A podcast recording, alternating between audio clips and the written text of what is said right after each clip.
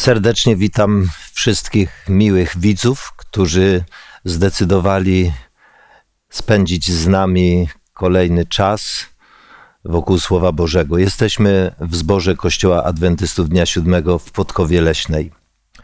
Dzisiaj, jak i w następnym tygodniu, zatrzymamy się nad studium przymierza Boga z Abrahamem.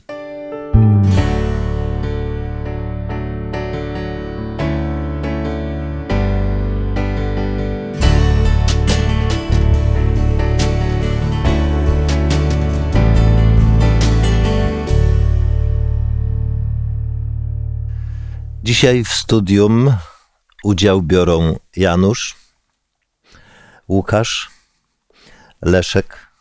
Ja na imię mam Zenon. Zwyczajem naszym zawsze jest rozpoczynać studium Biblii westchnieniem w modlitwie. Dlatego proszę, Janusz, módl się teraz na rozpoczęcie.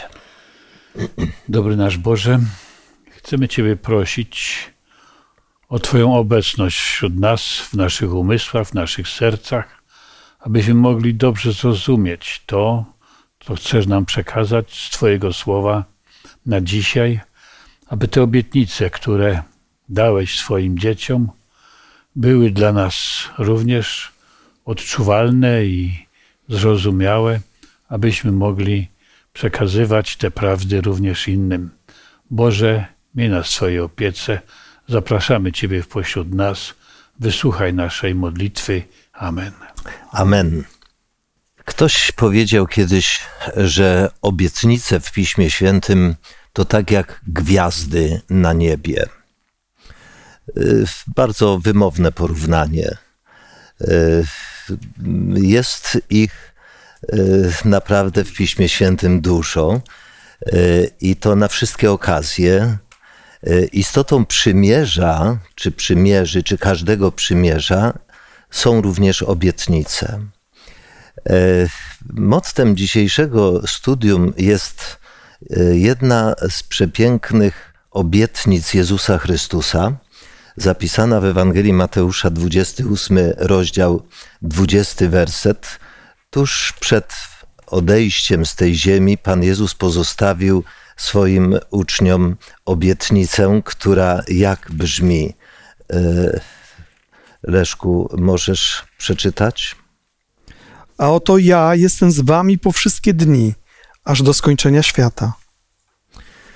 To, co mnie frapuje w, tej, w tym zwrocie, w tym zdaniu, to czas teraźniejszy, oto ja jestem z wami. Pan Jezus nie powiedział, ja będę z wami, ja byłem istotą y, Bożej natury jest ta obecność, stała obecność. I y, dotyczy to zarówno przeszłości, teraźniejszości, jak i przyszłości. Dzisiaj koncentrujemy się w tym kontekście na obietnicach danych Abrahamowi. Na pewno pamiętamy, nie będziemy szczegółów dzisiaj omawiać, w jakich okolicznościach e, Bóg powołał Abrahama. E, I kiedy e, Abraham odpowiedział na to powołanie, jaką pierwszą obietnicę przy powołaniu Abrahamowi złożył Bóg? To jest z 12 rozdziału Księgi Genesis, werset drugi.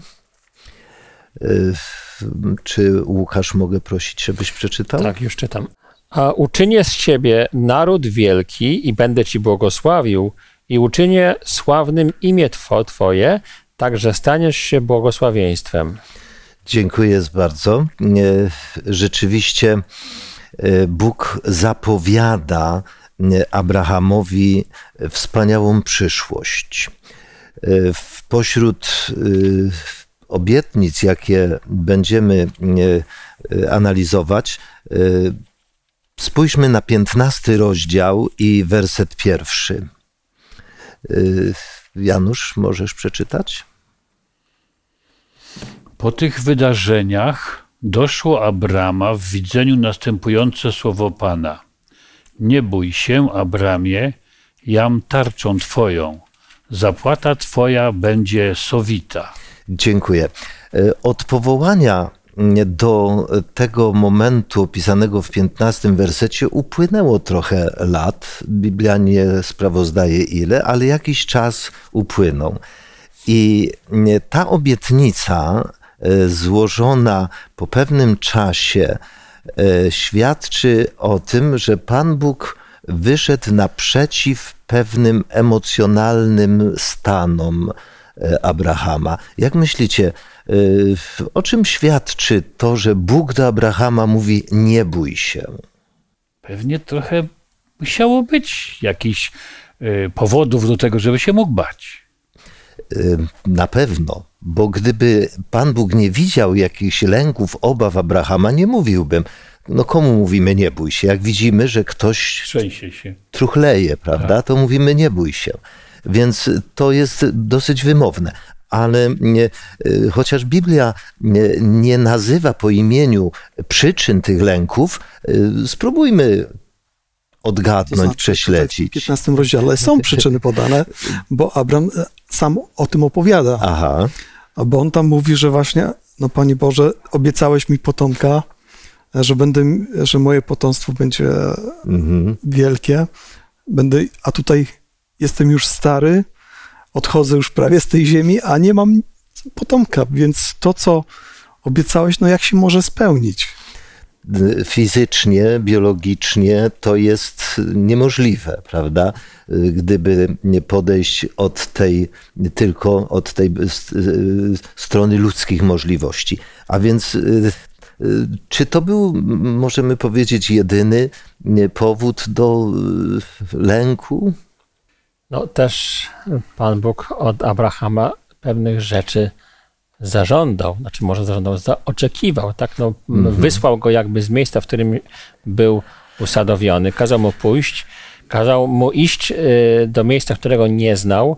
No, wiele tam było takich elementów opartych na wierze, y, plus też, no, jakby kwestia takiej duchowości, pra, prawda, którą, za, za którą miał, miał, miał być Ab- Abraham odpowiedzialny i wiadomo, że on nie do końca mógł być pewnym, w jaki sposób Bóg chce tę, tę obietnicę o potomstwie zrealizować, bo no nie, nie szedł sam, szedł, z innymi. Dziękuję, Janusz. Ja tak się zastanawiam, czy jesteśmy w stanie my dzisiaj e, uzmysłowić sobie, co dla człowieka przed paru tysiącami lat znaczyło mieć potomka albo nie mieć. E, Dla człowieka jeszcze, który, bądźmy sobie szczerzy, nie był ani jakimś tam e, popychadłem, ani niewolnikiem, ale był człowiekiem dość dobrze sobie radzącym, e, mającym wyraźne błogosławieństwo Boże. Majątek się powiększa, posłuch ma, nawet potrafi zwycięskie walki toczyć. To może napawać otuchą, ale może też napawać obawami, bo jeżeli ktoś staje się bogaty, silny, A to nie ma potomków? to ktoś może mu tego zazdrościć, prawda? I kto to przejmie? Coś, co zostawić. Dzisiaj żyjemy w innych warunkach. Dziękuję Myślę, bardzo. że nam to jest trudno. Do Dziękuję, pojąć. że zwróciłeś na to uwagę, bo nie znając historii, śledząc te e, zapisy z historii, dowiadujemy się, że e, posiadanie dzieci było traktowane jako błogosławieństwo, natomiast brak potomstwa był traktowany jako no, pewne przekleństwo, kara, jako, jako nieszczęście. E, To jest jedna, to, to jest kolejny aspekt, prawda, e, tej, tego, tego, tych obaw, lęków, prawda. Ale następne zdanie jeszcze mówi Pan Bóg, ja jestem tarczą Twoją. E, To jest związane również z tym lękiem. Tarcza. No, dzisiaj to słowo w polityce występuje również. Wiemy, co tarcza oznacza. Jak myślicie, dlaczego Bóg tutaj powiedział do Abrahama: Ja jestem tarczą Twoją? No to jest dosyć oczywiste w kontekście całego rozdziału. E, Dlaczego akurat tarcza? Bo e, kiedyś jak ktoś miał potomków, synów. Im więcej tych synów miał, to tak jak to w Biblii jest napisane, to jak strzały Aha. e, w, w ręku wojownika, nie? że Mhm. one, ci potomkowie są obrońcami Mhm. człowieka, znaczy ojca i, i rodziny, więc w tamtych czasach nie było tak jak teraz mamy prawo, policję czy wojsko, i które zabezpiecza to wszystko. E, Wtedy ludzie musieli bronić się sami, Mhm, więc e, mhm. posiadanie potomków, tudzież licznej służby, chociaż akurat w tym rozdziale jest to w kontekście właśnie potomstwa wszystko opisane, no to mógł mieć obawy, bo Mhm. praktycznie jego imię przestało, takie ma wrażenie, że chyba coś zrobił w życiu nie tak, bo Pan Bóg mu nie, nie spełnił tej obiec- tego, co obiecał. Mhm. Mhm. No i tarcza to jest ta ochrona, właśnie to błogosławieństwo. Dziękuję. Y, Janusz? Szczególnie w tamtych czasach ludzie, którzy, tak jak Abraham, nie wiem czy ich było wielu wtedy, może już było trochę, prowadzili taki koczowniczy tryb życia. Abraham był wychowany, urodzony, przyzwyczajony do życia w mieście, które dawało jakieś y, stabilizację, y, schronienie, Poczucie mury. bezpieczeństwa. Prawda. Tutaj jest y, sam na pustyni gdzieś, gdzie różne mogą być niebezpieczeństwa. I, i musi mieć jakieś zabezpieczenie, prawda? I, I różny sposób tych zabezpieczeń ludzie szukali. A tutaj mm, jawi się mu takie super, e, niecodzienne zabezpieczenie. Nie musi starać się o jakieś tam koligacje czy, czy, czy, czy układy z sąsiadami i tak dalej, ale ma takiego wspaniałego, mm, ws- jakby ws- wspaniałe wsparcie takiego sojusznika w osobie Boga. Bardzo jest Proszę, ważne to, Łukasz. że, że e, mm, Bóg bierze za tą kwestię życia e, Abrahama i jego rodzi- rodziny odpowiedzialność. On ich wyprowadza i on mówi, nie bój się, bo skoro ja ci to nakazałem, to też wiem, jakie płyną z tego konsekwencje. Dziękuję bardzo. E, Ja chciałbym jeszcze tak rozgraniczyć pewne obietnice Boże na dwa rodzaje. E, Na obietnice, które są, e, e, które dotyczą wyłącznie Abrahama i na obietnice, które e, niekoniecznie e, zawężają się tylko i wyłącznie do Abrahama. No bo gdy mówimy, e, że Bóg dał obietnicę potomstwa Abrahamowi, no to myślę, że e, logicznym jest, że ta obietnica dotyczy e, i spełniła się i, i zamyka się tylko w relacji między Bogiem a Abrahamem. Natomiast obietnica, t- którą tutaj przytoczyliśmy, czy to też tylko i wyłącznie Abrahamowi Bóg zapewnił e, to, to, te- ten pokój, to bezpieczeństwo? W kontekście potomstwa, no, na pewno e, to dotyczy rzeczywiście przede wszystkim Abrahama dla tego po, po, potomka, bo to się musiało stać za jego ży, życia, prawda? Natomiast wiemy, że te inne obietnice, o, o tym też jeszcze będziemy o tym mówić potem, one się stały, spełniły się znacznie później, już po, po tym, jak już Abrahama nie, nie, było. Natomiast na pewno też można powiedzieć, że Bóg, który się objawia Ab- Abrahamowi, to jest ten sam Bóg, który się objawia nam. Bóg się nie, nie zmienia, Bóg jest stały. To znaczy, że jeżeli mówi o tym, że ja cię gdzieś posyłam, nie bój się, będę twoją tarczą, twoim obrońcą. Nawet jeżeli nie będzie miał kto inny cię bronić, czy stać po twojej stronie, to my możemy to w pewnym sen- sensie traktować też jak, jako obietnicę dla nas, chociaż ona, ona nam nie była dana osobiście, ale jest to objawienie Bożego charakteru. Dziękuję. E, m, Ktoś powiedział, powtórzę, nie liczyłem, nie sprawdzałem, e, ale dość interesujące byłoby to, gdyby to było rzeczywiście prawdą, że w Piśmie Świętym e, tego e, zapewnienia Bożego, nie bój się, nie lękaj się, e, to zapewnienie powtórzone jest około 360 razy czy 360, czy tylko y, y, 10 razy, to nie ma większego znaczenia.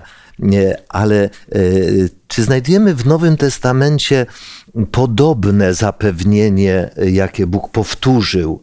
Y, Może bardzo proszę, abyś przeczytał, y, Łukasz, jeśli masz, Pierwszy list do Koryntian, y, rozdział y, 10, werset 13. Dotąd nie przyszło na was pokuszenie, które by przekraczało siły ludzkie. Lecz Bóg jest wie, wierny i nie dopuści, abyście byli kuszeni ponad siły wasze, ale z pokuszeniem da i wyjście, abyście je mogli znieść. Dziękuję bardzo. No, to jest y, gwarancja ze strony Boga, że jeśli y, nawet spotyka nas coś, coś przeżywamy, to On nad tym czuwa, czuwa nad granicami, znając możliwości, znając odporność człowieka, wytrzymałość człowieka, bo nie ulega wątpliwości, że jedni są bardziej y, odporni na pewne rzeczy, inni bardziej wrażliwi, bardziej y, czuli. Y, W, w 28 rozdziale y, znajdziemy y, powtórzone i rozwinięte nieco jeszcze słowa, jakie Bóg skierował do Abrahama. W Leszku możesz przeczytać werset z 28 rozdziału, werset 14. Potomstwo Twoje będzie liczne jak proch ziemi i rozprzestrzenisz się na zachód i na wschód, i na północ i na południe. I będą błogosławione w Tobie i w potomstwie Twoim wszystkie plemiona ziemi. Jak rozumiemy to błogosławieństwo? Bo rozmnożenie, liczne potomstwo to jest y, sprawa y, może bardziej y, oczywista. Bóg zapowiedział, że tutaj tą mnogość, ale chciałbym, żebyśmy bardziej skupili się na tym błogosławieństwie. Janusz? No więc myślę, że to mogłoby mieć e, dwa aspekty. Mogłoby to być błogosławieństwo takie, które po- spowoduje to, że na przykład potomstwo Abrahama będzie tak się wszystkimi opiekowało, że będą bezpieczni, szczęśliwi, bogaci, zdrowi, długo żyli. A może też to być, myślę, w aspekcie duchowym rozważane. I chyba to jest to istotne, że Bóg chciał, aby potomstwo Abrahama miało jakąś specjalną rolę do spełnienia wobec innych narodów. Coś im przekazać. Coś, co byłoby dla Boga ważne i najważniejsze może. Y, Przedstawić tego Boga w prawdziwym świetle. Przedstawić Jego mm, jego wolę, jego plan względem ludzi i żeby ta wola mogła być zrozumiana i zrealizowana przez człowieka, tak jak Bóg sobie to wyobraża. Dziękuję bardzo. Łukasz? Tak, to y, ta obietnica jest y, na pewno w tym miejscu wieloznaczna, dlatego że mowa jest tu, tutaj o tym, że, że to potomstwo jakby będzie takim znakiem pójścia na zachód, na wschód, na wszystkie strony świata i ono będzie bardzo liczne, co mógł odczytywać Abraham dosłownie, że rzeczywiście z, z jego ciała, jego potomstwo w którymś tam pokoleniu się rozmnoży i wiemy z historii, że to się nie stało szybko, minęło paręset lat, ale, ale, ale rzeczywiście tak się sta, stało. Ale mamy też tutaj obietnicę, y, która jest, y, ma y, wymiar rzeczywiście duchowy. W drugiej cze- części tego wie, wie, wiersza, którą mo- możemy odczy- odczytywać jako pewną obietnicę dla wszystkich mieszkańców zie- ziemi, że przez to, co, czego doświadczy, albo przez wiarę Abrahama, bo to chyba o to chodzi przede wszystkim, duchowo wszyscy otrzymają e, takie bło- błogosławieństwo, które będzie tak jakby bycie, mm, oznaczało sy, synostwo Abrahama, niekoniecznie wynikające z pokrewieństwa krwi, tylko e, z przyjęcia tej wiary, czyli tego, co, co, co, przyjął Abraham. I tutaj w tym miejscu oczywiście już nie tylko cho- chodzi o potomstwo krwi, ale chodzi o to, że z Abrahama miał się ktoś jeszcze urodzić. Dziękuję. Za chwilkę o tym wspomnimy. Widzę, Leszku, chcesz zabrać głos E, jeszcze? Tak, e, odnośnie tego błogosławieństwa, które miało być nie dla niego, ale dla wszystkich narodów. No Jak to, bo przecież wielu w tym czasie nawet, czy ty teraz jest narodów, które są bogate, mają dostatek, Mhm. e, niekoniecznie Izrael dzisiaj. Natomiast jak to jest, więc, e, że czym się różni tutaj to błogosławieństwo dla tych wszystkich narodów, dlaczego to błogosławieństwo nie może wypływać z innego narodu. Mhm, mhm. I wydaje mi się, że tutaj możemy przyjąć tylko jedno, jedną odpowiedź. To jest Jezus Chrystus, Y, który narodził się właśnie i On stanowi tutaj wypełnienie tego, co nie, nie, nie Chrystus nie przyszedł w żadnym innym narodzie, tylko w narodzie żydowskim. Dziękuję e, w, w, potomkach Abrahama, ale za chwilkę o tym. Skoncentrujmy się jeszcze na tym błogosławieństwie dla potomstwa Abrahama. I właśnie chciałem bardzo to y, podkreślić, y, wypuklić, stawiając pytanie, jak myślicie, czy Pan Bóg chciał błogosławić tylko i wyłącznie potomkom Abrahama, a reszta świata miała być pominięta y, i wyglądałoby to, jakby ten naród, ci potomkowie Abrahama byli tacy wyróżnieni, ta, tak hołubieni y, przez Boga, a reszta świata y, zajmijcie się sami swoimi problemami. Czy tak to możemy wnioskować? Jak? To duchowe błogosławieństwo miało wynikać właśnie z, te, z tego, że, że potomkowie krwi Abrahama, czyli jego, y, z, z niego mie, mieli okazać y, tym, którzy mieli żyć w, y, obok nich, prawdziwy obraz Boga. Tak jak Abraham przecież został powołany do tego, żeby chodzić po ziemi kananejskiej, żeby tam po, przedstawić obraz Pana Boga, tak i jego potomkowie. I, I mieli być liczni właśnie z tego powodu, żeby to błogosławieństwo było naprawdę wi, widoczne dla jak największej lu, ludzi innych osób. I to jest to, to du, duchowe błogosławieństwo dla całego świata, że ci, którzy zo, zobaczą, zainspirują się i uwierzą, e, będą jakby takimi duchowymi sy, synami Abrahama, chociaż nie fizycznymi. Dziękuję. Jeszcze. Ja będę się upierał przy swoim, No. że wszystko sprowadza się do Jezusa Chrystusa, do tego potomka, który został już obiecany w raju a- Adamowi i Ewie. Tam, gdzie tak faktycznie czytamy o pierwszym przymierzu, jakie Bóg zawarł z człowiekiem i dał mu to obietnicę tego potomka. I ta obietnica, je to, tej obietnicy dziedzictwem jest Abraham. Dziękuję. Y, y, y, Za moment uprzedzasz pewną myśl, bo do tego dojdziemy y, za moment. Ja, Ale mi chodzi o to, że nie da się oddzielić tej duchowego błogosławieństwa, znajomości Boga. Sama znajomość Boga na nic nie daje. Aha, aha. Jeżeli Bóg nie zesłałby swojego Syna, który umarł za nas, to sama znajomość Boga wtedy nam nic nie daje, bo my byśmy i tak czy siak umarli. No co, mielibyśmy tutaj błogosławione życie na, na tutaj i teraz? Tylko, że y, Przez musimy, 40, 50 czy 100 tylko, że musimy też pamiętać, że od Abrahama do Mesjasza to jeszcze jest y, Mat czasu. szmat czasu, około 18 stuleci. Y, I, te, i, I zanim przyjdzie ten potomek w liczbie pojedynczej, y, o czym przeczytamy, bo apostoł Paweł pięknie to wyjaśnia, to przez ten okres czasu Bożym zamiarem było, aby Jego błogosławieństwo nie było tylko i wyłącznie zamknięte w obrębie potomków Abrahama, a cały świat naokoło, żeby po prostu y, był jakby zapomniany, lecz Bożym zamiarem było, żeby przez ten naród, przez potomków Abrahama, to błogosławieństwo rozlewało się na inne narody zanim przyjdzie Mesjasz, bo y, to błogosławieństwo, y, jak Łukasz wspomniał, jak tutaj mówimy, dotyczyło przekazania innym narodom nauki o prawdziwym Bogu Stworzycielu, prawda, narodom, które wierzyły w różne bóstwa, tworzyły sobie bóstwa, czy, czy astralne, czy, czy, czy materialne.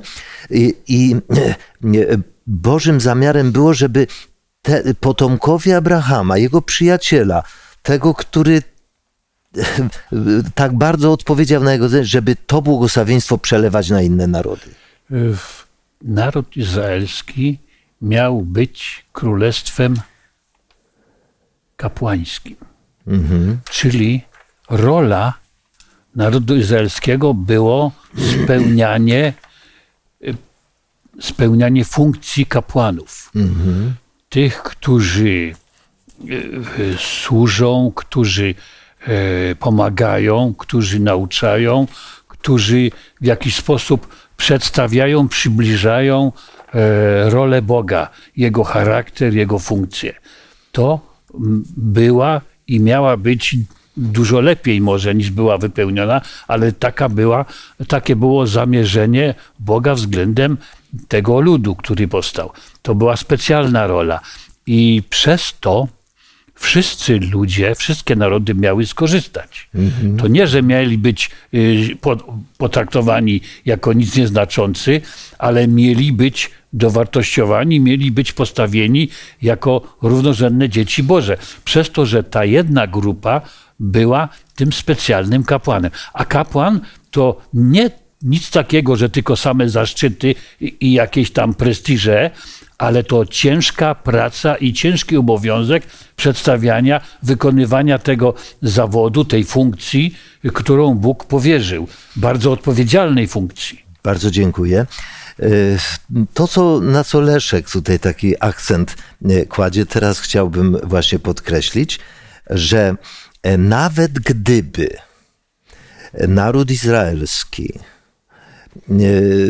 spełnił misję, którą Bóg mu powierzył i oczekiwał. My wiemy, że tego nie spełnił, nie spełniał, ale nawet gdyby spełnił, to jednak e, to błogosławieństwo obejmowało coś więcej, bo obejmowało zbawienie.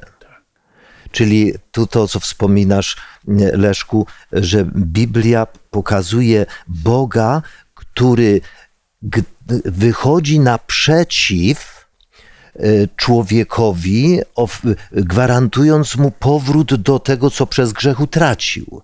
I to, ta, ta, to pierwsze przymierze, ta pierwsza obietnica złożona e, zaraz po upadku, e, zostaje kontynuowana w późniejszym czasie. Dlatego proszę, Janusz, z listu do Galacjan, przeczytaj z trzeciego rozdziału, szósty, siódmy, szesnasty i dwudziesty dziewiąty werset, wybrane fragmenty. Tak Abraham uwierzył Bogu i poczytano mu to ku usprawiedliwieniu. Z tego możecie poznać, że ci, którzy są z wiary, są synami Abrahama. Otóż obietnice dane były Abrahamowi i potomkowi jego. Pismo nie mówi potomkom Dobrze? jako o wielu, lecz jako o jednym i potomkowi Twemu, a tym jest Chrystus. I dwudziesty dziewiąty.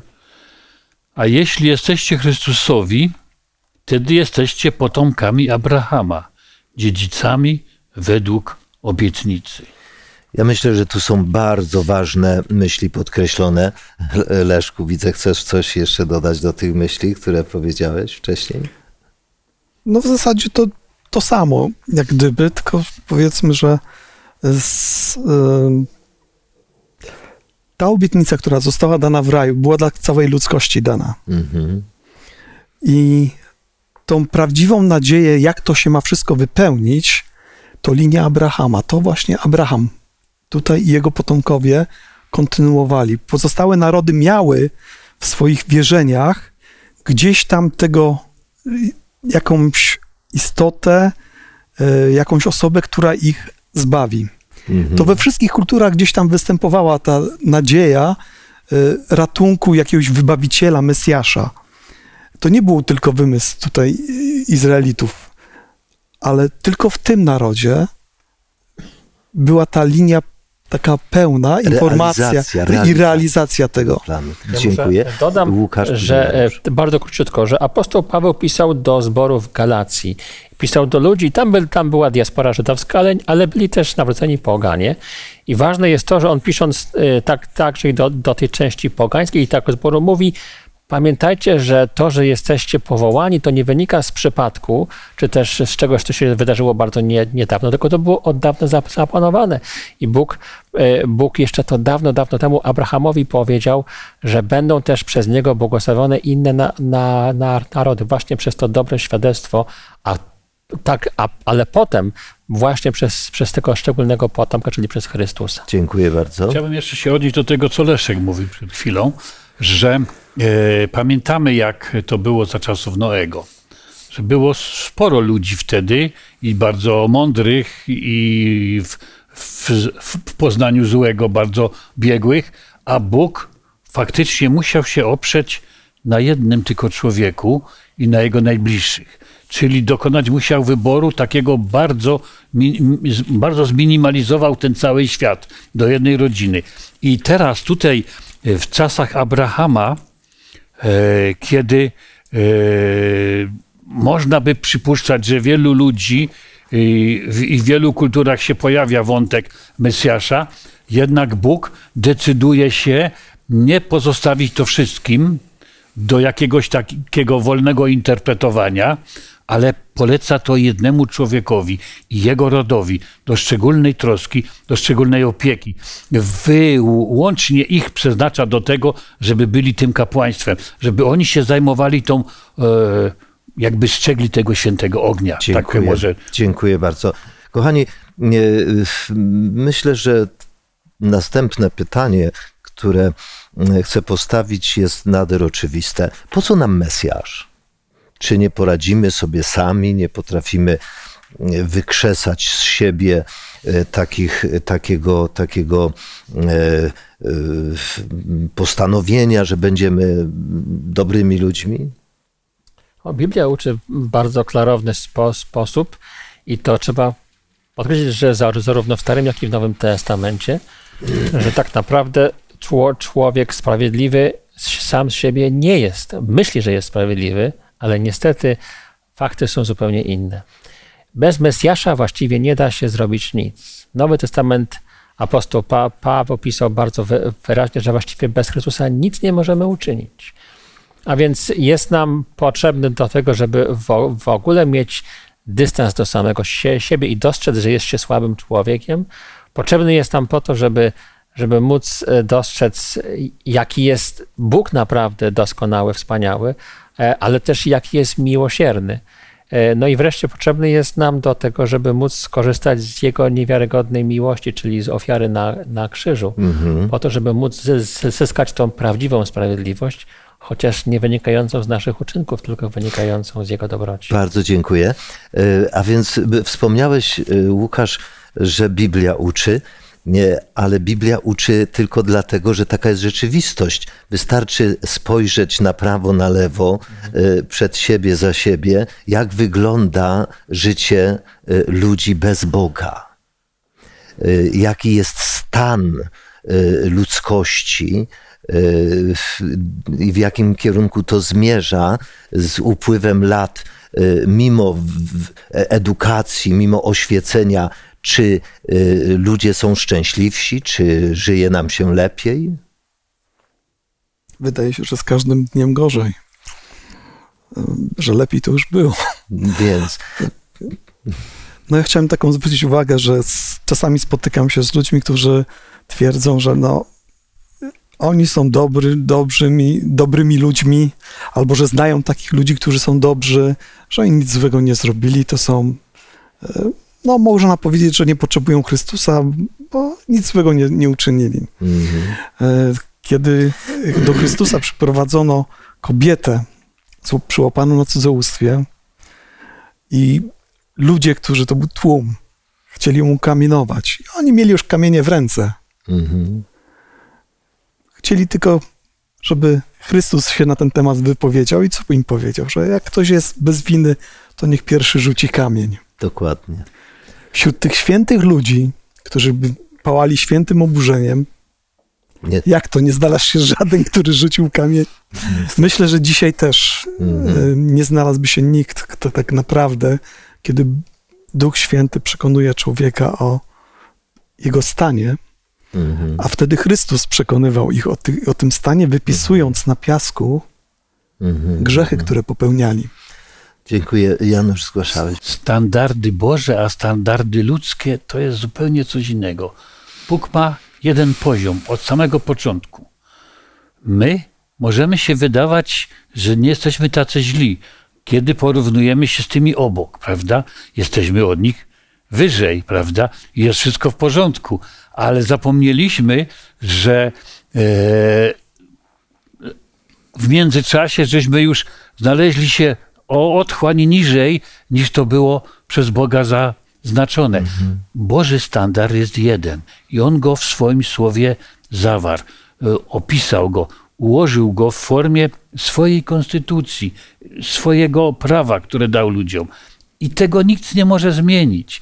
I jakkolwiek byśmy się starali, to nie mamy żadnych szans osiągnąć tego poziomu. Dziękuję. Ja chciałem właśnie coś do tego dodać, bo e, kiedy ten standard jest opisany w dziesięciu przykazaniach Mhm.